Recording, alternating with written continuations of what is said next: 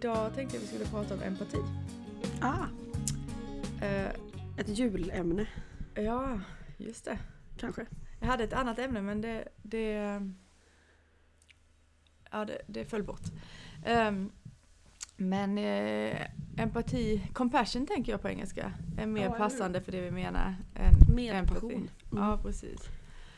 Ehm, och eh, vi kan prata om det liksom i stort. Eh, men först har jag en liten, eh, ett litet utlägg och en tanke eh, som jag är nyfiken på. Mm.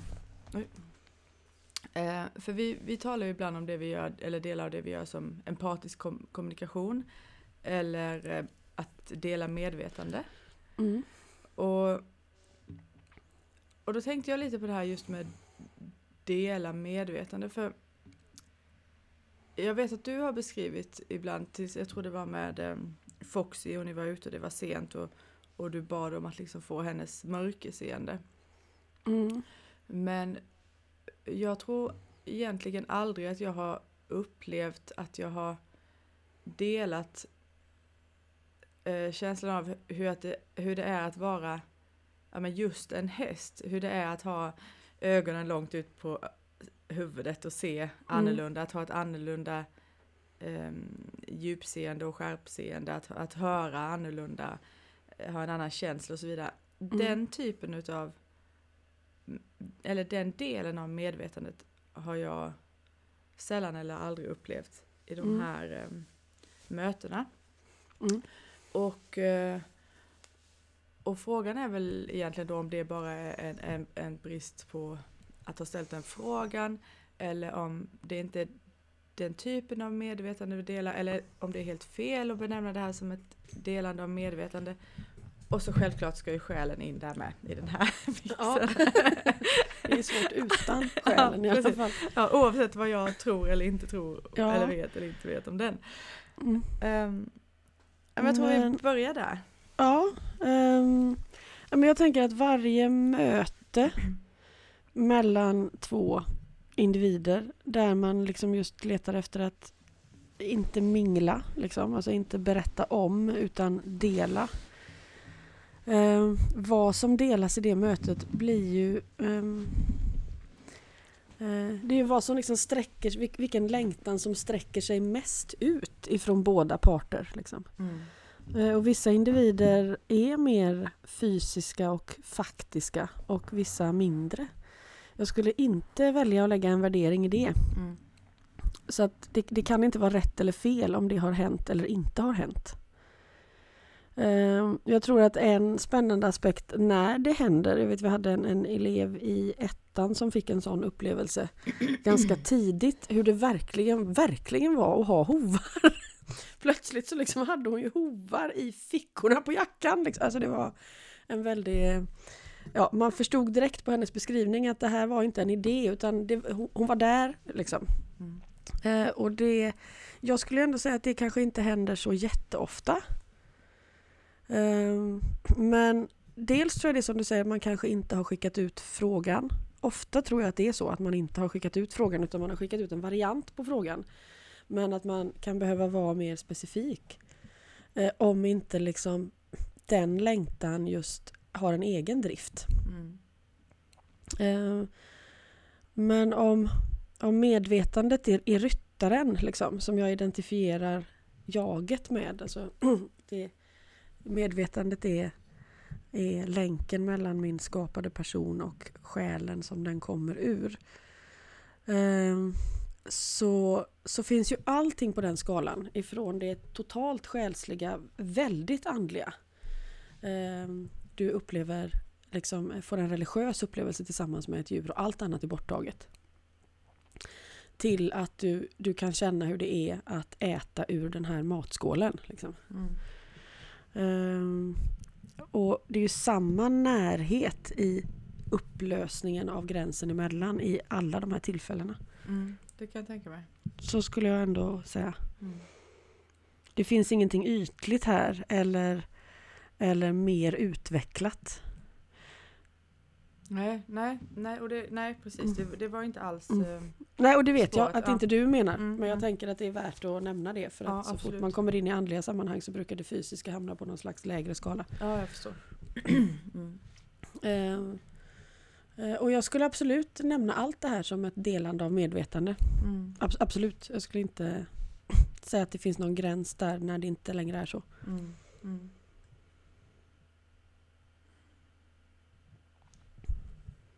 Um, och jag tänker att Alltså jag tänker att empati blir ju en, en förlängning av alla våra sinnesupplevelser. Liksom. Alltså om man tänker sig att ett... um, ehm, när jag upplever mitt separata jag eh, så upplever jag ju verkligheten baserat på hur långt jag kan relatera till mina egna sinnen. Sen tar ju de stopp någonstans. Mm. Och då får jag på något sätt eh, försöka föreställa mig resten. Och sen finns det en massa sensorer i mig som svarar då förbi den gränsen. Mm. Så att när jag ser någon gråta så är det stor chans att jag påverkas av det även om jag inte känner hur det är att vara den som gråter. Ehm, så trådarna sträcker sig ju lite till också. Mm. Ehm, men det är väl där det själsliga medvetandet kommer in i bilden då. Vad händer, när det själ, vad händer med empatin när det själsliga medvetandet utvidgar sig? Om det nu är så att, att alla själar kommer ur samma källa. Att vi egentligen består av samma materie. Om mitt medvetande närmar sig den insikten eh, så är ju så äger jag ju inte längre min egen upplevelse, heller inte den andres. Där någonstans kan jag aldrig styra eller kontrollera eller manipulera någon. Och det är därför jag tänker att det finns en, en poäng i att kalla det för en empatisk kommunikation. För att i den, om man ska skilja mellan en kommunikation där man läser av den andra så har ju jag ett, ett visst övertag. Liksom. Alltså jag ser någonting som är blint för den andra. Mm. Eh, och, eh, och det skulle kanske vara då en mer synsk egenskap som handlar om någonting annat. Eh, där jag då kan förklara någonting om den andra för en annan person. Här finns det ju enorma möjligheter eller risker Ja. Ja. med att eh, liksom påverka den andres självbild Mm. och eh, styra över den andra. Mm. Eh, Det skulle inte alls vara samma sak. Den här kommunikationen upphör ju med en gång du har lämnat den själsliga förankringen.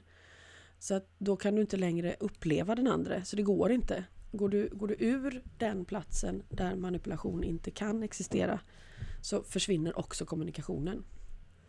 Det är därför man i de, alla de här övningarna på hela utbildningen jobbar med att försöka vara där. Liksom. Mm.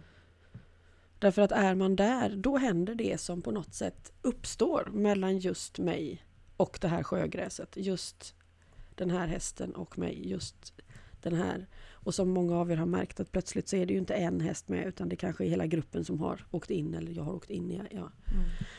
Mm. Eh, Men det handlar om, om, om att kunna liksom vara kvar där på något sätt. För då, då inkluderar ju den empatiska förmågan att uppleva den andra, då inkluderar den ju alla på samma gång egentligen i slutändan. Mm. Vilket kan vara extremt mindblowing för intellektet och då är det väldigt bra att börja med en i taget. Det är stort nog att börja med en i taget. Mm. Mm. Ja det där, för det, det, man kommer ju, eller det vet jag inte men jag upplever att det är lätt att komma till en punkt när man inte vet någonting om vem som säger vad. Eller, eller Mm. säger och säger då men delar vad. Men, men också att, att budskapet på något vis oftast är så ehm, ehm, relevant eller vad jag nu ska kalla det Mm. att precis vem det kommer ifrån och var det kommer ifrån ehm, kanske inte det, det är alltid det viktigaste då. Nej, alltså jag, jag skulle säga att det finns liksom stadier, inte stadier i i någon slags utvecklingstrappa men att det finns liksom stenar man går på över den här älven på något sätt. Där en del eh, i den processen är att inte ifrågasätta vem eller varför, alltså inte försöka intellektuellt strukturera upp upplevelsen därför att då har du också klivit ur. Mm. Så, så fort du gör det har du klivit ur. Det relevanta är kanske inte vem som har ont i ryggen just när ryggontet upplevs. Mm. Utan det väsentliga är att, att det upplevs färdigt. Mm. Antingen så har det en läkande effekt i sig. Eh, men eftersom det uppstår i mötet mellan de här två individerna så är det ju troligtvis relevant för båda. Mm. Eh, och eh, analysen kring vems det är, vad det betyder, hur vi ska bemöta det. Eh, det har också sin plats eh, men inte kanske exakt samtidigt som det upplevs. Eh, utan att man kan, man kan ägna sig åt det efteråt. Mm. För att det, om vi nu ska prata om risker och när det blir manipulation av det här eh, som inte kan ske när man är på plats i det men som definitivt också kan ske efteråt även om upplevelsen har varit totalt genuin Mm. är ju när man hoppar ur därför att man vaknar till och drar en väldigt snabb slutsats. Aha! Det är det här det är. Nu vet jag. Mm. Eh, och där kan du ju missbruka vilken upplevelse som helst. Hur, hur eh, totalt genuin den var Mm. när den upplevdes. Liksom. Mm. Eh, så snabba slutsatser är ju eh, det svåraste med alltihop tror jag. Mm. Eh, och vi hoppar iväg till dem därför att vi blir så glada när vi kan sy ihop bilden. Och möjligtvis när vi kan, om, om det här ska levereras till en tredje part, Mm. Eh, har, då upplever ett behov av att göra det bra på något sätt. Mm. Och så drar man en massa egna slutsatser. Mm. Det, ja, det, kan, det kan ju lätt rulla iväg där också i, Mm. i, i mötet med den tredje Ja, parten. och därför behöver man öva på att stå i att eh, jag upplever någonting, eh, jag vet inte vad. Kanske ens, jag kanske inte ens kan definiera det. Eh, Jag vet inte vem det kommer ifrån, jag vet inte vad jag ska göra med det. Eh, Och, och just då ska jag inte göra något med det. Nej. Nej, precis. För att jag kan bara beskriva det. Jag, jag tänker att när man kommer ur det, som vi pratat om innan, för mig så blir ju den uppgiften att man ska beskriva ett foto för någon som är blind. Mm. Eh, Och där kan detaljerna vara jätterelevanta. Mm. Eh, för förståelsen av helheten. Men jag kan inte ha en åsikt. Nej. Eller liksom tro att jo, men det här trånga utrymmet som beskrivs, det är nog en transport. Det är nog en transport. Mm. Och vips så är det liksom, ja det kan också vara en spilta, det kan också vara en stallgång, det kan också vara en, en sån här eh, inseminationsspilta till Mm. exempel. Sån, ja. Eller till och med en grind. Någonting som, ja. ja, precis. Och så fort jag tror mig se någonting där så tror sig den andra kanske också göra det. Mm. Och sen kan vi tillsammans suggerera fram en verklighet som är otroligt långt ifrån hästen som då har hamnat i ett väldigt sårbart ske- skede, liksom, eller skick. Mm. Och då är, det inte, då är det inte empati längre, då har, vi liksom direkt, då har vi klivit ur den empatiska delen av det här. Ja, då antar jag att då är vi i alla de här vanliga mönstren som vi tampas med Mm. alltid. Och de är vi ju i hela tiden, så jag tror att vi tänker att när vi går in i det här, i det här själsliga medvetandet och upplever empati på ett där, där, alltså upplever empati på ett plan där de åtskilda jagen inte längre är relevanta utan vi delar verklighet. På något sätt så tänker man att det där är- det är då är man safe liksom. Och du är ju safe när du är just där men du är ju bara där i de här väldigt korta glimtarna. Precis, Och så precis. fort du inte är där så tampas du ju med allt som du vanligtvis gör och som Mm. du gjorde innan. Mm. Eh, Så det där är ju väldigt viktigt att inse att ja, de upplevelserna är så starka att de kommer att förändra mitt sätt att se på världen. Har jag upplevt en annans verklighet på riktigt så kommer jag aldrig att bli densamma igen. Det är sant. Men jag kommer ju liksom inte undan min egen väg. Nej. Det är inte så att jag därmed har löst mina egna problem eller kanske sett mina egna mönster. Så det är inte så att, att jag, blir, jag blir ju inte färdigare på ett personligt plan även om det hjälper. Det hjälper ju. Jag får Mm. ju en chans där att se även mig i ett annat ljus. Mm. Och det gör jag när det sker. Men sen vad jag gör med det när jag står tillbaka där själv. Liksom. Mm. Det vi har pratat om mycket, att men passa på att låna den här upplevelsen. Naturen och djuren är generösa, de låter oss uppleva deras värld. Så att vi kan ta med oss det tillbaka hit. Mm. Eh, Men sen börjar jobbet. Liksom. Mm. Mm. Men in, egentligen, eller det jag tänker i alla fall, vi pratar om det ibland, att, att hjärnan är ju snabb att, och nu, nu, nu har jag inte kommit så långt till att vi drar slutsatser, men man, den, den delning man upplever. Mm. ehm, hur mycket av den, eller det är inte egentligen en fråga men, men jag tänker att vi, ehm, att hjärnan är begränsad egentligen i, i sin förmåga att ta in den delningen. Eh, Mm. eh, eh, Själen vad det nu är kanske inte är det, medvetandet kanske inte är det, men hjärnan, alltså Mm. det som ändå någonstans eh, når eh, Ja. jaget eller mig eller vad man ska Ja, säga. alltså jag, jag, tänker att eh, ja, dels du har ju hjärnan och så har du förståndet. Liksom. Båda har ju en viss begränsning och sen har du din egen vakenhet kontra det. Mm. Eh, alltså, ju vaknare du är, ju mer kan du också ta in. Men jag tänker att eh, abstraktioner, abstraktioner är viktigt. Mm. Eh, det tog mig länge att förstå. Alltså jag, jag tänkte att eh, ja, min pappa var ju forskare i abstrakt matematik och, och jag tycker matte är kul. Jag tycker om att experimentera med hjärnan men jag har mest sett det som just en lek. Liksom. Mm. Tills Fanny hade för många år sedan ett samtal med någon vars liksom, eh, tema i livet bland annat handlade om abstraktioner och hur viktigt det var. För att det är på något sätt hjärnans första övning i att ta in saker utanför sig själv. Eh, att man behöver liksom på något sätt stretcha både hjärnans förmåga att ta in impulser som är okända och hur jag, alltså hjärnan tar ju möjligtvis in dem men hur ska jag kunna märka att det sker? När jag hela tiden förväntar mig det jag redan har upplevt. Så det här att, att öva på att ta in saker som ännu inte finns registrerade, alltså som är omöjligt för medvetandet att innefatta, det är ju inte bara en rent själslig övning. Eh, utan att, att stretcha tanken är också relevant. Mm. Eh, Just för, för att liksom ha en, en mer töjbar gräns vad det gäller de snabba slutsatserna. För att hjärnan är ju dels snabb, som Mm. du beskriver, eh, och då tänker jag att den är snabb vad det gäller associationsförmågan och förmågan att koppla ihop intrycken. Ja, precis. Eh, och den förmågan är ju väldigt relevant i de här glimtarna. Liksom. Alltså där kommer vakenheten in. Ska du ta in hur det är att vara den här individen så kommer du, det kommer bara ske under en bråkdel sekund. Är du där eller är du inte där? Det är inte det att det inte händer, det händer hela tiden. Men var är du? Mm. Mm. Eh, så för det första så behöver du vara där. Och för det andra då vara där med en så hög grad av vakenhet att du kanske till och med kan ta tillbaks det. Liksom. Alltså förankra det och ta med dig det Mm. eh, från den, den eh, vad ska man säga, den plattformen som uppstår när bara de här två möts. Mm. Eh, och, och så att du då kanske till och med i bästa fall, som ju ni får öva på väldigt mycket under andra året, öva på att kunna dela det också till en omvärld som inte var där. Mm. Att kan man ta med sig den här historien tillbaka också, Mm. då börjar det ju bli intressant. Inte för att man ska kunna berätta en massa begripliga saker. Men för att kan man inte, alltså steget att inte bara förankra det i sig själv men också i en gemensamt upplevd verklighet är ju jättespännande. Det är ju då vi verkligen börjar interagera i varandras liv. Liksom. Ja, jag, jag, jag bara känner när du säger sådär att, att det också...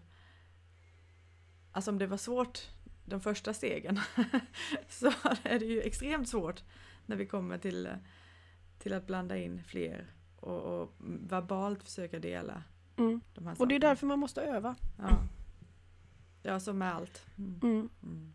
Jag tror det var med ettorna som vi pratade om det här. Alltså, nu kommer jag inte ihåg exakt igen då hur Fanny beskrev nödvändigheten av att saker och ting är svåra. Mm. Eh, för att eh, den stora risken när man har lyckats liksom. Så, ja, nu, det här finns ju inspelat någonstans. Men, men, eh, och ska kunna finnas att det kan delas också mellan era klasser vet jag. Men, men jag förstod i alla fall att, att hemuppgifterna att de är omöjliga. Alltså de är designade så att ingen ska kunna klara dem. Eh, Så de, det, det, finns en, det finns en säkerhetsspärr där. Det finns ingen eh, som skulle kunna göra det till 100%. Mm. För att garantera att vägen hålls öppen på något vis. Det blev väldigt logiskt Hybrisen ska hålla stången. Ja, eller just att, att eh, den här slutledningsförmågan sluter cirkeln. Liksom. Mm. Mm. Eh, Det här med abstraktioner fick mig att tänka på en sak. Eh, Kommer du ihåg den här övningen med ankorna och Mm, konerna? Som gick in, liksom som sögs in och Just det. ur varandra på något vis. Mm. Kommer du ihåg den så pass att du kan beskriva vad de Nej. egentligen sa? Nej. Tyvärr inte. Det var ändå lite häftigt när jag läste forskning och framsteg och jag kan inte, Mm. det här var länge sedan nu, jag, jag delade med, med mamma på mail så jag har en liten bild här. Mm. Men alltså eh, Forskning och framsteg då är en tidning såklart. Som, och den här artikeln säger symmetri och snurr förklarar universum. Och så ser man då, Ah, har de då en mm. bild på två koner med en, liksom en, eh, någon röd stjärna där i mitten. Och så, och så pilar åt båda håll och det är liksom nästan exakt vad ankorna sa. Spännande. Ett universum och ett antiuniversum kan kanske uppstå ur ett fält. De är relaterade till varandra med samma symmetri som partikel och antipartikel. Mm. Och, och, och så vidare, och så vidare då. Men det... ehm, jag har ingen jättepoäng med att nämna detta men jag tycker ändå när, när någonting som då ändå är så abstrakt och man, man får det från Anke och att sen läsa en artikel och säga vad fan, det här är ju det de sa. Ja. Eh, eh, nu, är- det är liksom... Ja. Eh, ja, det där är Häftigt. jättespännande. Jag Mm. tänker att jag skulle kunna hitta vilken helg det var men nu kan jag, jag vet ju, jag kommer inte ihåg siffran. Det är nej. första, det är första året va? Ehm, det är förmodligen, ja och det är förmodligen en av de, alltså vi, vi har ju inte så många helger där vi blandar in eh, väldigt många olika arter. Nej. Eh, så det är väl en av de sista har jag för mig. Men, in- inte den sista då men eh, ja. Jag ska se om jag kan hitta någon. Nej, men de har ju... Jo. Just det. Det var väl där när vi Mm. också hoppade runt som jätter och Mm. sådär ska jag tro. Det hjälper ju inte med siffror men Nej, den när ni hoppade upp som jätter var helg nummer 13 och då är det inte den övningen. Nej okej. Mm. Ja, den, den skulle ta mig för lång tid att Ja. hitta tror jag. Ja, det, vi blir, nog... det blir eh, ett tråkigt poddavsnitt att lyssna på. Ja, får vi, eller så får vi pausa och så letar jag lite. Vi kan, eh, vi kan väl eh, återkomma till den kanske. Ja, det kan vi nog göra. För att den är... De där inverterade konerna beskriver ju också, beskrev katten Sander. Och jag tror Mhm. även hästen Sander har varit inne på dem. Ja, men vi kan väl ta det som hemläxa för då kan jag ju ta fram artikeln också och så kan vi se om, om, om det Ja, faktiskt är relevant att, att ehm, ta upp det tillsammans eller om det bara var ett sammanträffande som inte var så mycket värt. Men eh, du har nämnt flera gånger idag själsligt medvetande, bara för att krångla till det för min eh, lilla hjärna ännu mer då. Ja. Eh, så det får du också prata lite om. Vad menar du när du säger själsligt medvetande? Ja, att, att själen, eh, att medvetandet eh, som ju då på något sätt registrerar om medvetandet, det här är ju, blir ju jättesvårt att förklara. Eh, du kommer inte undan. Ja, ja, men det är jättebra. Ehm, mm. Om medvetandet på något sätt är registreraren Mm. eh, som upplever att Emily upplever. Eh, alltså det är inte identiteten då, Mm. Nej, precis. utan upplevaren av Mm. identiteten och Mm. upplevaren av alltihop. Så tänker jag att, att eh, alla sorters eh, vanor det blir som att du ritar ett tuschstreck, liksom, många varv. Till slut så får du en tätare och tätare bild. Och om medvetandet hela tiden knyts till eh, den upplevda identiteten Emily så blir ju den till slut väldigt stark. Alltså den sammanlagda vanan av upprepningen i den registreringen kommer att bli väldigt tät. Ehm, och då, eh, det kan ställa till lite bekymmer apropå det här, det blir motsatsen till att töja i de här abstraktionerna som vi pratade om nyss. Mm. Eh, Då blir ju eh, Emily på något sätt extremt väsentlig för medvetandet. Det finns ingenting annat. Det finns liksom inga andra exempel på upplevd verklighet. Så det finns ju bara jag. Alltså i slutändan så skulle jag ju kunna bli en, en väldigt självcentrerad person. Och det händer väl också. Ehm, men om själ, om, om, om hela upplevelsen av liv eh, möjliggörs genom, genom eh, eh, den ohejdade kärleksförklaringen mellan kropp och själ så är jag ju båda då. Och då skulle medvetandet kunna krypa närmare upplevelsen av själen och istället upprepa den upplevda verkligheten som ju blir väldigt svår att definiera då. Mm. Eftersom någonting som är utan form eh, och som saknar begränsning blir ju per definition omöjlig att definiera men inte omöjlig att uppleva. Ja, så det, det själsliga medvetandet är medvetandets, upple medvetandets upplevelse av själen. Ja, jag skulle säga det. Ja. Mm. Ja, och och då, ju fler gånger det sker så Mm. uppstår ju också en slags förankring i det även om den är abstrakt för förståndet. Eh, och gör du det där mycket, alltså om du upprepar den upplevelsen mycket eh, där finns det ju då vissa liksom, saker som kan vara väldigt relevanta. Det vill säga att du, du får en, en mer eh, ska man säga, medvetandet springer ju också emellan. Mm. Det är som en liten budbärare som springer emellan själen och Emily, själen och Emily, själen och Emily. Så till slut så kanske Emily liksom börjar att förstå att själen finns. Mm. Ehm, och det försätter ju Emily i en helt annan situation i världen. Mm. Eh, om hon kan relatera till den aspekten av livet som är evig. Mm.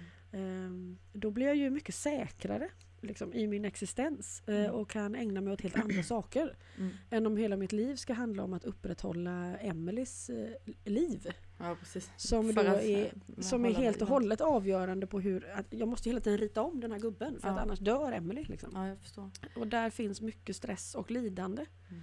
Så att även om jag inte skulle styra över liv och död överhuvudtaget, om det skulle vara så, det har jag ingen aning om, men säg att det skulle vara så, ehm, så, så spelar det ändå väldigt stor roll. Det kanske inte förändrar historien menar jag, att jag, att jag upplever en större förankring i det själsliga medvetandet, men det kommer ju förändra hur jag upplever livet Precis. och hur jag tar vara på min tid till 100% liksom. Mm. För mig låter det här väldigt relevant, för innan när vi har pratat om själen så jag, jag bara använder ord nu för att säga att jag tycker Ja, det är intressant att får- fortsätta prata om det. Men eh, för ibland när vi har pratat om själen så har jag uppfattat det som någonting som inte går att uppleva. Mm. Och, hur, hur, och då är vi ju då är det ju extremt svårt att prata om det om det inte kan finnas någon upplevelse av det. Hur, hur, Ja. Vem har då hittat på namnet själ ens liksom? Ja. Eh, det- det- Och det är inte min fråga men, Men, men, men, känslan av, eller för, om, mm, så som, ja, det som jag studerar nu grundar sig egentligen på en buddhistisk tradition som heter Dzogchen. Samtidigt har jag trasslat in min sladd i mikrofonen. Det tror jag av en stol Det, till. det, det, kropp, det är- kroppsliga måste Ja. med liksom. Ja. fortsätt, fortsätt. Jag, jag har löst det lite. Alltså det, det som jag parallellt lite grann åtminstone studerar och är nyfiken på just nu är en, en buddhistisk tradition som kallas Dzogchen. Och som, Mm. som går ut på det, den, en, eh, att, man, att man väldigt direkt kan peka på att jaget är en illusion. Mm. Eh, och min poäng är inte egentligen att gå in i det men, men, men vi har varit inne på det lite det här med att medvetandet är upplevelserna. Mm. Och, eh, och jag tyckte också det var intressant och jag säger det igen därför just det här när, när hästen har sagt att, att meningen med livet är att uppleva. Mm. När, liksom, när, när man får in alla de här sakerna så, så det blir en väldig frihet i det tycker jag och det, på något vis hänger det Mm. ihop. Ehm, men eh, och känslan då av, eller det du säger nu av att, att medvetandet kan uppleva själen. Mm. Um,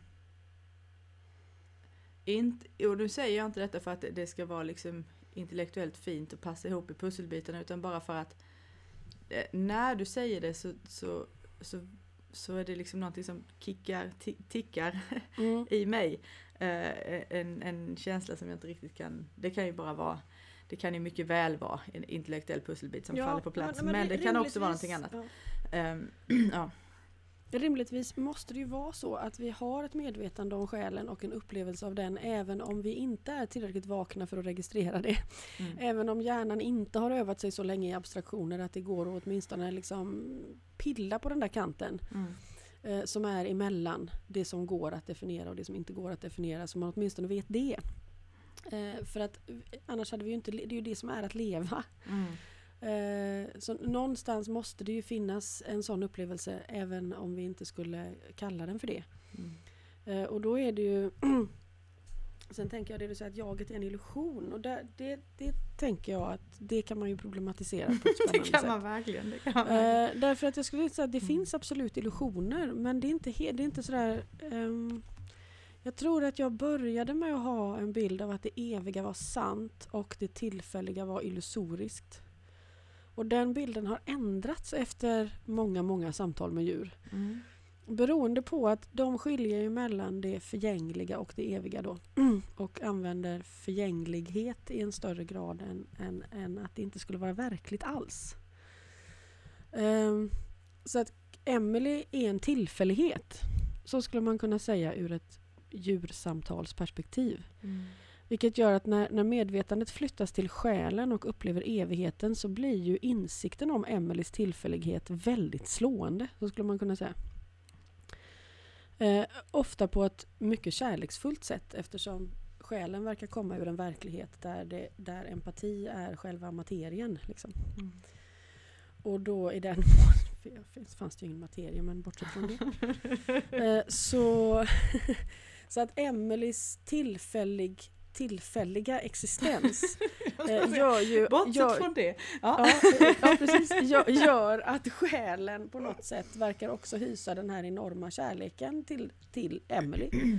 Eh, men vad djur ofta beskriver då, när den insikten kommer, är ju hur fruktansvärt viktigt det blir att ta vara på den upplevelsen, för den är övergående. Mm. Själen är där hela tiden, så att det är som så fort de har upplevt den själsliga förankringen, då hoppar de ju in i kroppen med hull och hår. Mm. Därför att den upplevelsen finns bara nu. Mm. Så ja, när, de ja. hittar, när de hittar det själsliga så söker inte de sig ur livet som jag tycker kanske är vanligare hos människor. Och jag lägger ingen värdering i det. Men att då, då man kanske liksom vi pratade tidigare om att man sätter sig i en grotta. Man, man eh, liksom vill verkligen in i den själsliga upplevelsen. Eh, verkligen inte ett rätt eller fel på det alltså. Men för djur så verkar det som att den själsliga insikten som möjligtvis är mer självklar för dem och uppstår oftare och kanske kvarstår längre. Då är det inte där de stannar utan med den insikten så vill de liksom, ja men då blir det jag vet vi hade någon hundövning, då tar man till sig varenda doft istället mm. för den finns mm. bara nu. Mm. Eh, eller man gör som Sintra och skiter i om man dör i en kurva för att upplevelsen är, den kan bara hända nu. Dör mm. gör jag ju ändå, varför ska jag tänka på det liksom? Men jag tror egentligen så, att vi, vi pratar om samma sak, det bara blir så ja. väldigt reducerat när jag, när jag säger det sådär. Ja, att, men jag tänkte att det var mm. viktigt att nämna det. För att, och för att det vi pratade om innan med snabba slutsatser till exempel, eller att jag ger mig själv ett tolkningsföreträde för någon annan så fort jag har kommit ur det själsliga medvetandet. Det skulle man ju definitivt kunna kalla för en illusion. Eller mm. en, att man har suggererat fram någonting. Så det är inte det att, att illusionen inte har sin plats. Alltså att lura, vi, alltså vi bedrar ju oss själva hela tiden. Vi lurar oss själva konstant. Mm. Så begreppet illusion är jätterelevant. Mm. Men, ja, ja. men det finns en skillnad mellan vad som är det och vad som är den, den fullständiga upplevelsen av att ta in det själsliga medvetandet i att inte ha någonting att förlora. Precis, I precis. den totala upplevelsen av livet. Och den vägen ser man oftare hos andra arter skulle mm. jag säga. Mm. Alltså till och med med min ringa upplevelse så har jag sett den, jag ser den i Oscar extremt här hemma. Mm. Uh, Pi också kanske. Ja men alltså, ja Santos, det har vi mm. pratat mm. om ju. Mm. Hur, han, hur han verkligen inte ville missa eh, kroppen eftersom att han mm. är i det andra. Um, och um, och att det uppstår någon slags kärlek till det här tillfälliga. Alltså man, ja. man får en ömsint förståelse för den, den, det tillfälliga livet. Mm. Den här traditionen skulle, alltså de, de det du säger, så, hästarna eller du då kallar förgänglighet, de pratar om att, att, eh, att eller den, jag tycker det är en vacker beskrivning av att vara människa, som när de säger mm. att, att, att vara människa eller leva, det är en process. Alltså det, mm. det är inte, det är inte en, en um, vad ska man säga? Alltså, vi, vi förändras ju hela tiden. Det är, det är inte någonting statiskt utan det är en process och, det, och en process och någonting förgängligt mm. ligger ju väldigt nära varandra. Mm, absolut. Absolut. Bara, bara att höra det, du pratar ibland om att, att saker och ting är läkande, men för mig att, att höra att vara människa är, är en process, mm. eh, skulle jag nog vilja säga var det. Mm. Mm. Jo men jag förstår. Min jag hade en helt annan ingång till det du beskriver där men, men jag tror att jag förstår vad du säger. För mig kom den eh, insikten att en annan människa kan förmedla till mig hur det är att vara människa på just det där sättet som du säger. Att det, är det finns en ofärdighet i det. Mm. Som också blir väldigt ömsint på något sätt. Eh, eller, eller försonande kanske. Eh, då var jag ganska, jag var runt, eh, 13-14 år kanske. Eh, och satte på TVn när jag kom hem från skolan. Och så var det ett, eh, in, eh, det var en, ett program, ett så här, vad heter det, dokumentär om den eh, numera har gått ur tiden bluesmusikern John Lee Hooker. Mhm. Eh, och jag hade nog aldrig riktigt mött bluesmusik på det sättet. Han satt på en, på en brygga med sin gitarr och spelade någon sån väldigt enkel, väldigt avskalad. Alltså blues är ju en väldigt simpel musik i den. Det är en upprepning liksom. Mm. Av inte speciellt komplexa ackord. Eh, och så, det sättet han framförde det på. Jag förstod inte ens vad han sjöng. Eh, blev för mig liksom det här, det här är någon som vet hur det är. Mm. Det här är någon som vet hur det är att vara en människa. Mm. Eh, på ett, på, också på ett själsligt plan. Mm. Och på det där förlåtandet med att det, vi blir inte färdiga. Mm. Det, det är liksom, jag, jag vet ingenting, jag beskriver det bara som det är. Mm. Eh, och den, den upplevelsen gick så rakt in att den är ju kvar fortfarande. Liksom. Mm. Jag använder ju fortfarande lyssnandet på bluesmusik för att eh, ja, för att inte tappa det där mötet liksom. Mm. När det Häftigt. behövs. Häftigt. Min man spelar i ett bluesband faktiskt. Mm. Det är helt irrelevant. Eh, Och så har jag försökt att förklara det här för Mm. folk som kanske, ja, och, och det är ju jättesvårt för att det här är ju en, såklart, det var, det var ju bara jag där men- liksom. Mm. Eh, Men jag förklarade det för den här musikern som jag eh, åkte till Jordanien för att ge en behandling för. Och Mm. jag berättade den här historien för honom så började han sjunga den låten. Mhm. Jag visste ju inte ens vilken låt det var. Men jag kände ju igen att det var den. Jag skulle Mm. inte kunna säga vad den hette. Och sen var han så här, men hur kunde jag, hur kan jag, hur kan jag veta det här? Då blev han liksom rädd på riktigt. Jag, bara, jag vet inte men jag tror att det är det minst konstiga i den här historien. Så det blev på något sätt en, en delning till där. På, Mm. Men just att det här är det, det är en process och det, det, det handlar kanske inte om perfektion. Liksom. Nej. Nej. Eftersom vi nu pratar om människomöten ändå så vi, på de här tre åren hos dig och hästarna så har vi haft en enda övning människor emellan. Mm. Den var väldigt stark för mig men vi har ju inte haft någon efter det heller. Nej, Har, har hästarna något att säga om det eller det bara, det bara Nej. det det, det har nog bara varit så det är. Det är Mm. möjligt att det, att det kommer att komma fler. ja, inte vet jag. Det var inte Ja. som bara nej det här Jag är sket sig, det gör vi inte igen. Nej, men jag tänker att de nog kanske ehm, att det är viktigt att glesa ut det så att man liksom verkligen ö- hinner att öva ordentligt på det som man behöver ha med sig in där. Mm. Mm. För att inte hamna i den här självsuggererande dansen. Liksom. Är det större risk men ja det är klart. Ja, ja, Svaret föll jag sig skulle själv. säga att det är en, en väldigt större, mycket större risk om Mm. ingen har en själslig förankring. Du, du Mm. säkrar ju upp ganska bra mm, med ett, djur. Mm. En växt, en sten. Alltså, ja, Mm. som är väldigt nära där det själsliga medvetandet utgör en betydligt större, liksom, mera inövad, uppövad som Sören brukade säga, Mm. del. Mm. Eh, det tror jag.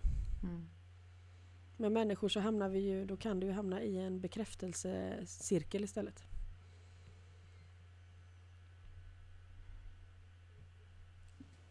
Försvinner du lite? Ja du försvann.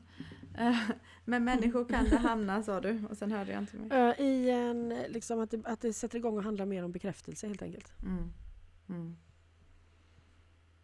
Mm. Eh, Du har pratat mycket om vanor idag känner jag. Eh, Mm. Och, och. Och ehm, jag, jag, bara, jag bara dyker på vad som dyker upp här nu. Mm. Eh, häromdagen så, så frågade jag min man hur länge har vi egentligen hållit på och fråga varandra varje dag vad vi är glada för. Mm. Och det, det är i alla fall längre än vår äldsta son, han är fem nu. Mm. Men säg mellan 8 och 10 år kanske.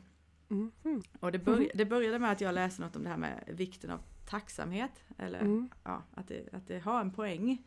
Mm. Eh, men jag tyckte väl att det var lite för pretentiöst att att fråga min man vad han var tacksam för idag. Så jag frågade vad han var glad för. Mm. Och så har vi hållit på med det och, och nu gör det med barnen. Vad och sådär. spännande! Ja. Ja, alltså nu när, när, jag, när jag börjar titta på just hur länge Ja. vi har hållit på. Mm. Och, och tänk att det ändå nog har ändrat någonting i um, synapserna i hjärnan mm. kring liksom att varje dag öva sig på att se vad är jag glad för idag, vad är jag tacksam för idag. Mm.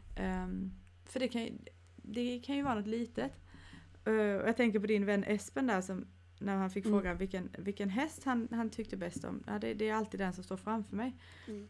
För Astrid, 90% av gångerna så svarar hon maten. För vi, mm. vi äter ju oftast när jag ställer den här frågan. Jag är glad för maten.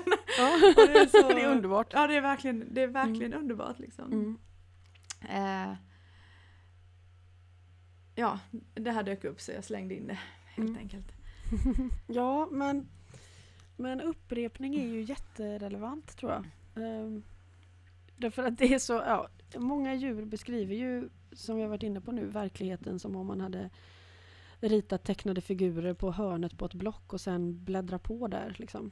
Mm. Att du ritar om eh, samma bild. Fanny menar ju till och med att man tenderar att rita om samma bild så exakt att, att den kanske till och med ser likadan ut flera liv i rad. Liksom, på, mm. Om man nu relaterar till någon slags personlig återkomst. Eller delvis då personlig. Men, men ähm, ähm, och det är ju där medvetandets förmåga att förflytta sig ur sin tidigare, upp, tidigare förankrade upplevelser blir väldigt relevant. Eh, klarar medvetandet det så kommer bilden att förändras mer. Har det ett värde att den förändras? Borde vi ens sträva efter det? Ja, kanske, kanske inte. eh, men för att bryta mönster som, som ju många saker ändå verkar handla om. Mm. Fanny menar att har, man, har en människa gjort en sak en gång så har du påbörjat ett mönster. Sannolikheten att du kommer att göra om det här är gigantisk. Så det är klart att har du, har du spunnit in en kreativitet i upprepningen eh, så har man ju också lyckats lura sig själv. Du, du är trygg i, i upprepningen men den leder dig ur mm. eh, låsningen i slutändan. Mm. Eh, så att jag tänker att, att, att de flesta andliga vägar som människan har skapat innehåller någon slags upprepning är ju ingen slump. Liksom. Meditation mm. eller bön eller, eller vissa ritualer som, som man kan lägga eh, ja, en personlig mening i eller väg i. Eh, men att en upprepning på något sätt också i någon mån behöver mötas med en upprepning för att den verkligen ska bli förankrad. Det finns ju de här stora omvälvande händelserna som, som ställer allt på ända och det finns ett före och ett efter. Men tittar man så ser man att det ofta finns en lång period av upprepning innan. Mm. Ja, så någonting har ändå, har ändå lett fram till det och det är mycket troligt att det kommer att komma en lång period av upprepning efteråt. Man kan, skulle man kunna kalla det mm. övning? Ja, man skulle kunna kalla det för övning. Sen beror det på vad man övar på. Mm. Mm. Och i vilken grad man är medveten om detta och hur mycket upprepning som går på automatik då. Alltså att jag fängslar mig själv utan att veta om det. Mm. I att hela tiden rita om samma bild och inte lyckas komma ur den. Mm. Jag, jag kanske inte ens vet det. Nej precis, eh, förmodligen inte. Mm. I, i, alltså, på tal om det du sa om att, vara, eh, att saker och ting är osynliga mm. för en själv, om en själv eller i mm. en själv. Men ja, vi hade ett samtal, eh, ja, några och, människor och jag. Och, och, och det kom upp liksom att jag måste tysta tankarna för att kunna höra den andra. Mm. Och för mig så, jag inser att jag är inte så bra på, eller liksom jag kan inte riktigt tysta tankarna. Men jag kan börja om. Mm. Mm. Och, och, och för mig det där att börja om eh, är kanske lite det som, som Fanny är inne på att inte, att inte fortsätta upprepningen. Mm. För gör jag det så då, ja, men då upprepar jag kanske en tanke eller fortsätter på ett spår. Mm. Men om jag kan börja om Finns det kanske om, ett, ett, möjligt möte med någon annan till exempel? Börjar du om så har du ett glapp. Alltså i tanken om att börja om så tror jag att hjärnan i de allra flesta fall ser någon slags tompunkt. Mm. Alltså att i idén om att börja om så finns det ett avslut för att det ska kunna uppstå en början. Mm. Och, jag, och bör, när jag säger börja om, jag hör att det låter som att jag menar börja om på den där tanketråden. Nej, det, nej, det tycker det jag inte att du gör. Nej, nej, nej, det är bra. Det, nej. Men jag tänker att mm. vitsen med den, mm. det kreativa i det skulle kunna vara att, att du också därmed beskriver ett glapp. Mm. Eh, och där finns det ju en väg ut. Och sen tänker jag när du säger att det är omöjligt att tysta tankarna att eh, det är det ju på sätt och vis. Eh, och då kanske det är bra att acceptera det. Mm. Eh, för att det kan hända att tankarna kan vara med bara de inte lägger sig i. Mm. Alltså det kan hända att de kan få rulla där bredvid då. Ja men ja precis. Eh, och att mitt medvetande kan notera det eh, Mm. utan att behöva liksom bli totalt sidetracked och distraherad av att de håller på så. Mm. Det är ju lite som att höra vad någon annan säger samtidigt som radion är på. Alltså Mm. ibland blir det jättesvårt men det kan också gå. Mm. Ja, alltså det är ju det är väl lite det där som du brukar säga om att, om att man inte behöver ha all ducks in a row innan det är, det är möjligt att möta någon annan. Nej för det Alltså- skulle ju, skulle ju göra det hela ganska tragiskt. Eh, Ja, ja men eller hur? Du måste vara i balans, du måste ha uppnått vissa saker. Den andra Mm. förmodligen också för annars kommer ju inte den någon vart från sitt håll. Och så får man en massa liksom perfekta möten där man Ja. återspeglar varandras fantastiska framgång innan man eh, upphöjd eh, går vidare. Det, jag, Jag kan inte annat än om jag skulle vilja leva i den världen. Nej, nej, nej precis. Eh, Den ofärdiga världen, eh, bluesversionen i, i ja, Ja, processen. Ja, Ja, det är ju något kött och blod i den som jag inte skulle vilja vara utan. ja.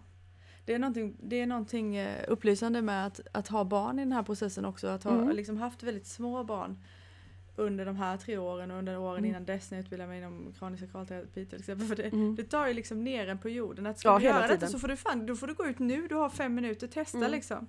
Det, Mm. det, det är inte så Ja, att... och man hinner ju ganska sällan bygga upp någon slags idé om att man är färdig med någonting. Genast blir man ju liksom triggad på sina sämsta egenskaper. Varje dag, inte Ja. varje dag, väldigt tätt liksom. Ja. man ger sig in i Mm. någonting som man nog aldrig hade Mm. trott att det var.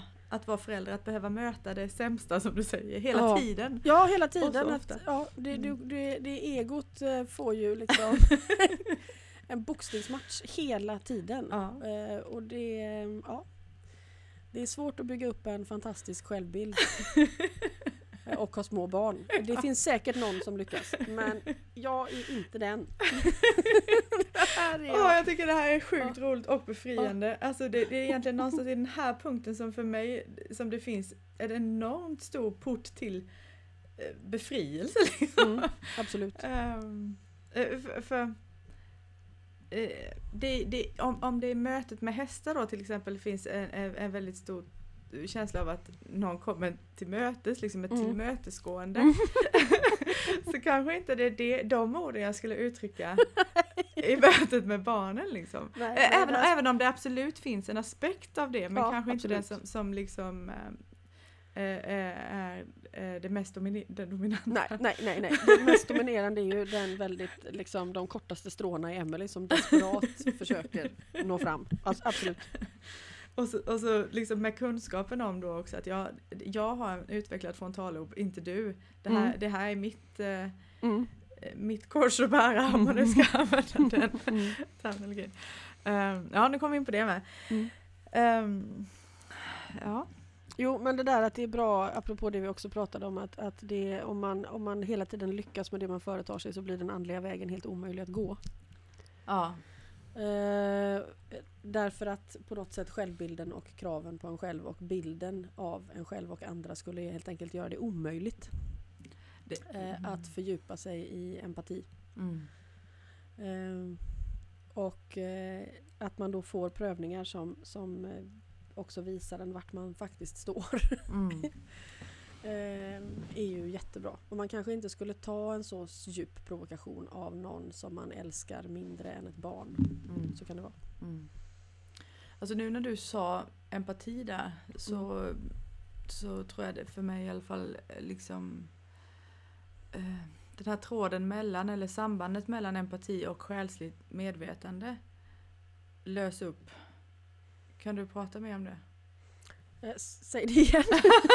när du sa empati där efter hela det här samtalet Ja, så, ja. så löste upp någon tråd eller ett samband mellan empati och själsligt medvetande. ja. Som jag antar att det är det du har pratat om hela tiden men det är först nu som det liksom eh, klickar till lite i mig då. Mm. Ehm, jo men jag tänker att den empatiska förmågan kopplat till det själsliga medvetandet gör ju att min, den upplevda empatin då inte längre berör bara personen Emily liksom, och så långt mina sinnestrådar sträcker sig. Eh, utan då, då innefattar den ju omedelbart allt. Eh, Nu är det jag som kan inte säg det igen. Därför att den kan inte göra någonting annat. Om, om, om själen är liksom alltets innersta materie och min förankring är där så kan jag ju inte längre bara uppleva mig själv. Det går ju inte. Det, skulle, det, det, det kan inte hända. Men där kan väl inte heller empati eller ovillkorlig kärlek inte vara med? Nej, precis. Nej. Så att så länge jag är där så, så är ju det det enda som kan vara. Ja. Eh, Men jag kommer ju eh, inte att vara där annat än i glimtar. Precis. Eh, och, och när jag kommer tillbaka från en sån glimt så måste jag ju ha en viss respekt för att nu handlar det om att öva så att man inte tänker sig att nu har jag varit där, alltså är jag där. Bara att du tänker det betyder ju att du inte är där. Det är, det är då man har barn som kickar Ja, tillbaka Det är då man har ett barn som gör att man får ett utbrott som man skäms för, eh, för alltid. Och, och blir påmind om att du, du har varit där. Du måste hela tiden upprepa, du måste gå vägen hela tiden. Börja om igen. Ja. Mm, börja om igen. ja. Eh, och, och, och det där är väl liksom om vi ska prata om illusioner då, att man tänker sig att har man varit med om det en gång så vet jag hur det är. Jo, jag vet hur det är där, men det betyder inte att jag... Eh, det här är inte intellektuellt liksom. Jag måste tillbaka, jag måste jobba mig tillbaka hela tiden. Precis. Och nu, nu så ser man ju... Det finns inga shortcuts liksom. Nej. Men problemet här nu som vi också kan, eller vi kan problematisera en sak här nu. För nu så har jag satt mig här ser jag på Skype med händerna på huvudet och tycker att jäklar vad snyggt vi fick ihop det här.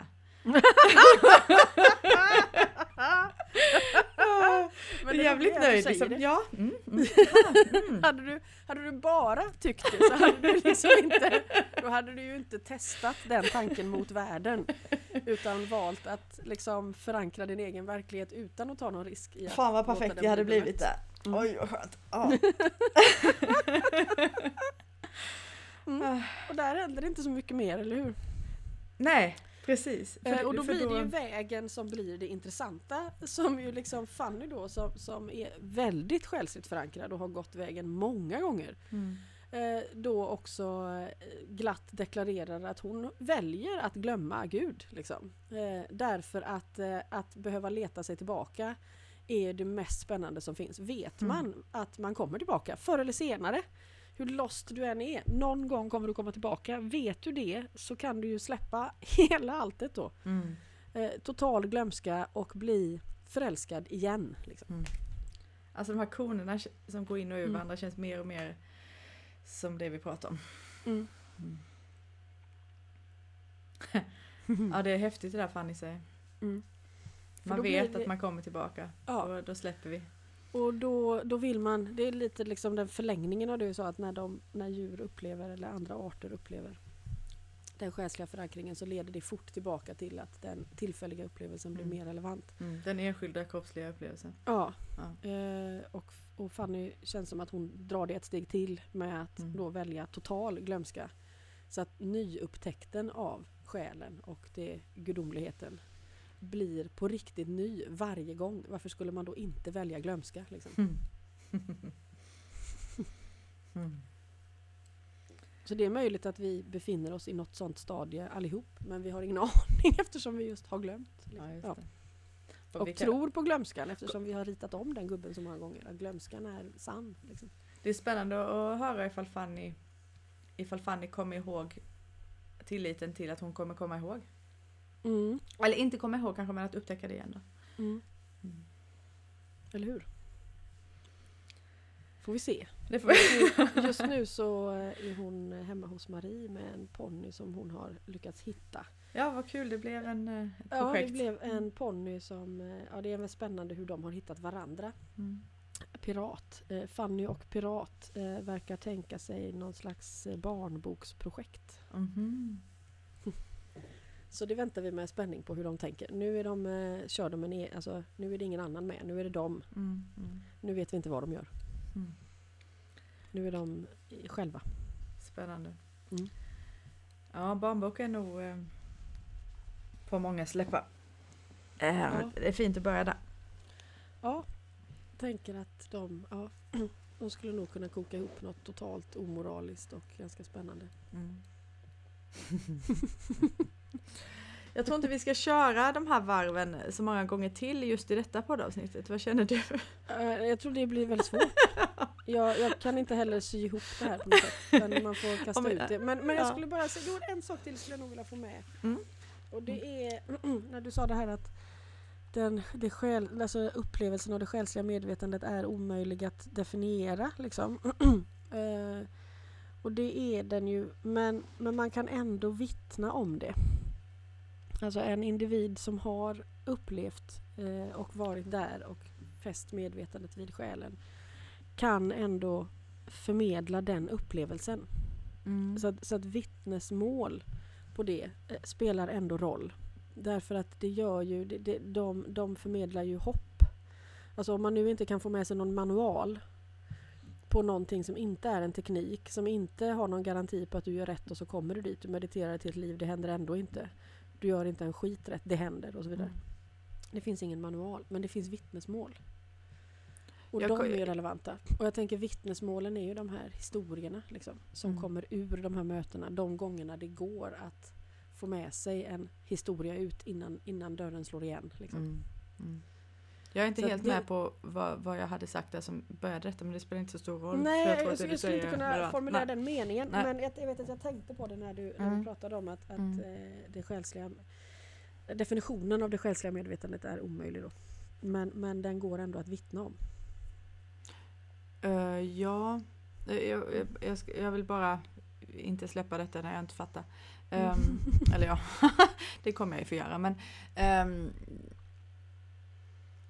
nej, som jag... Alltså känsl, det som du förmedlar nu av att, av att man kan, att upplevelsen av själen, alltså det Mm. medvetandets Mm. upplevelse av själen ehm, gör, gör ju det hela mer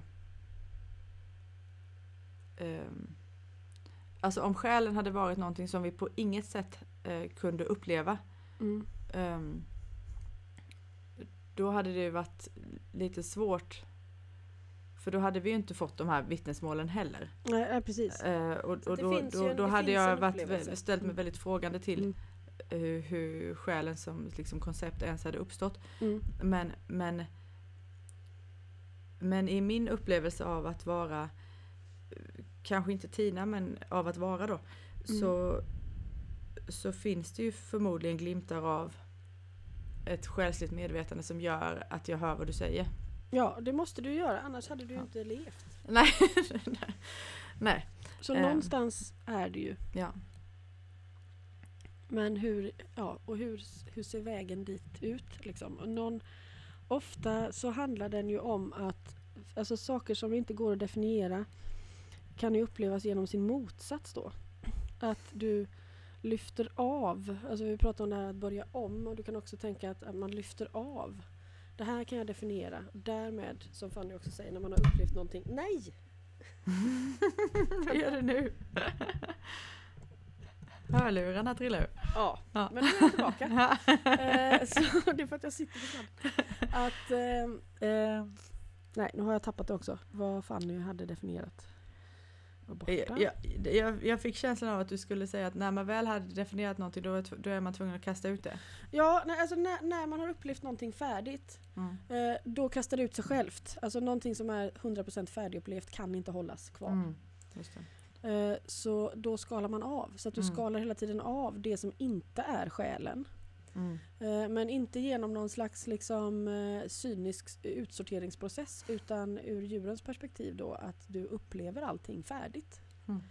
Så att in i livet då, igen det här, in i kroppen och upplevelsen Mm. och fullborda då. Mm. Då faller det av. Eh, och, och i detta så finns ju då en väldigt stark kärlek till livet för att det här är ju liksom på något sätt själens enda väg att kunna bli upptäckt på något sätt. Mm. Mm. Eh, och, eh, och till slut så har du bara kvar det som inte är.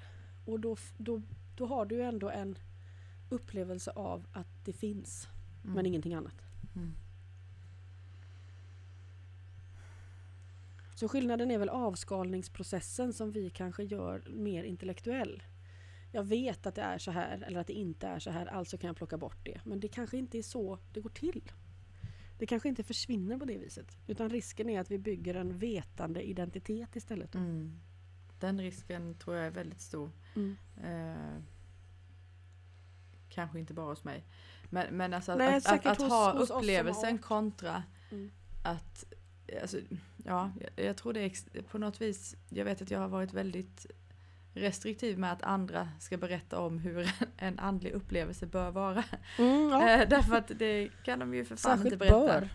Ja, Man kan ju berätta om vad man själv har upplevt men du Ja. kan ju inte ha någon åsikt. Nej.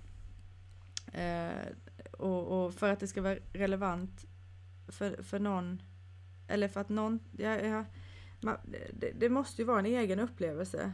ehm, Mm. Om det ska ha någon sorts, Ja, det måste Alltså, ju ha hänt. Det ja. måste ha hänt ja. Eh, ja. på något, på något sätt. Mm. Det måste du ha gjort. Mm. Du kan inte, du kan inspireras som sagt och få hopp eh, och eh, ja, inspiration, guidning av vitt, andras vittnesmål. Men det är ingenting som är gjort i och med det. Nej, och det är ju som du säger, det är ingen manual, det är inget, det är inget facit, det, det, det är inget och inga garantier liksom, Nej, definitivt. överhuvudtaget. Nej. Ja. Där kanske vi är. Där kanske, kanske det var dags. Ja. Ja men det tror jag. Ska, ehm, det här blir ju en, eh, julklapp kanske. Beror på hur man ser det. En klapp eller en julklapp. Ehm, det, men det råkar ju vara torsdag på julafton i alla fall. Mm. Och det, är då, det är då vi brukar släppa dem. Ja. På natten där. Mm. Mm. Eh, åh, får jag ställa en sista fråga som är Ja. helt irrelevant kanske, eh, Mm. eh, helt tidigare samtal. Eh, det var ju, det var ju eh, vintersolstånd igår. ja, det var det. Säg, eh, säg eh, hästar eller andra arter eller någonting som du pratar om. Eh, eh, eh, pratar de någonsin om liksom sådana skiften eller liksom, Ja, ibland gör de det. ja. Mm, ibland gör de det i och med att de följer ofta upplever tiden mer cyklisk. Är det någon som har sagt något spännande just nu? Nej faktiskt inte vara. just nu. Men det, det, alltså det beror nog inte på att de inte har sagt det. Utan det beror nog på att, att eh, jag har Vakenheten. haft... Ja, vakenheten Ja. har vi haft en häst med kolik och ja, en Mm. födelsedag och en, ja, väldigt Mm. mycket har sammanfallit just med vintersolståndet. Mm. Eh, så att det har inte varit så luftigt just Nej. det sista. Eh, och då är risken att vi har haft ett punktfokus och inte hört saker. Det får vi nog säga att det troligaste är det som har hänt. Inte att ingen inte har sagt något. Nej men det känns ju skönt Mm. för alla oss eh, som, som eh, Ja men jag övar ju lika mycket Ja. som alla andra. ja, Det är ju det att, att på något sätt så har jag eh, ofrivilligt du har övat länge. Jag har övat väldigt länge och Mm. på något sätt ändå valt att dela det Mm. Mm. övandet. Mm. Det är inte så att jag delar det för att jag har kommit fram till saker och vet. Nej, det, det, det ska väl Mm. bli uppenbart i den här Mm. podden. Eller är förhoppningsvis. klar. Mm, nej, precis. Okej, nu slutar Vilket vi. man ju hoppas att man inte blir. Man hoppas att man inte blir klar såklart. För då är det ju, Då är då det är det ingen väg längre. Nej. Vill ju ha vägen. Mm. Men eh, vi säger väl god jul och allt det där. Ja, god jul säger vi. Och eh, gör på vi. återseende i det nya året. Ja. Tror jag. Att Inshallah väl ska har jag blivit. lägga till. Ja, såklart. Mm. yes, tack för idag. Yes. Hej hej! Hej.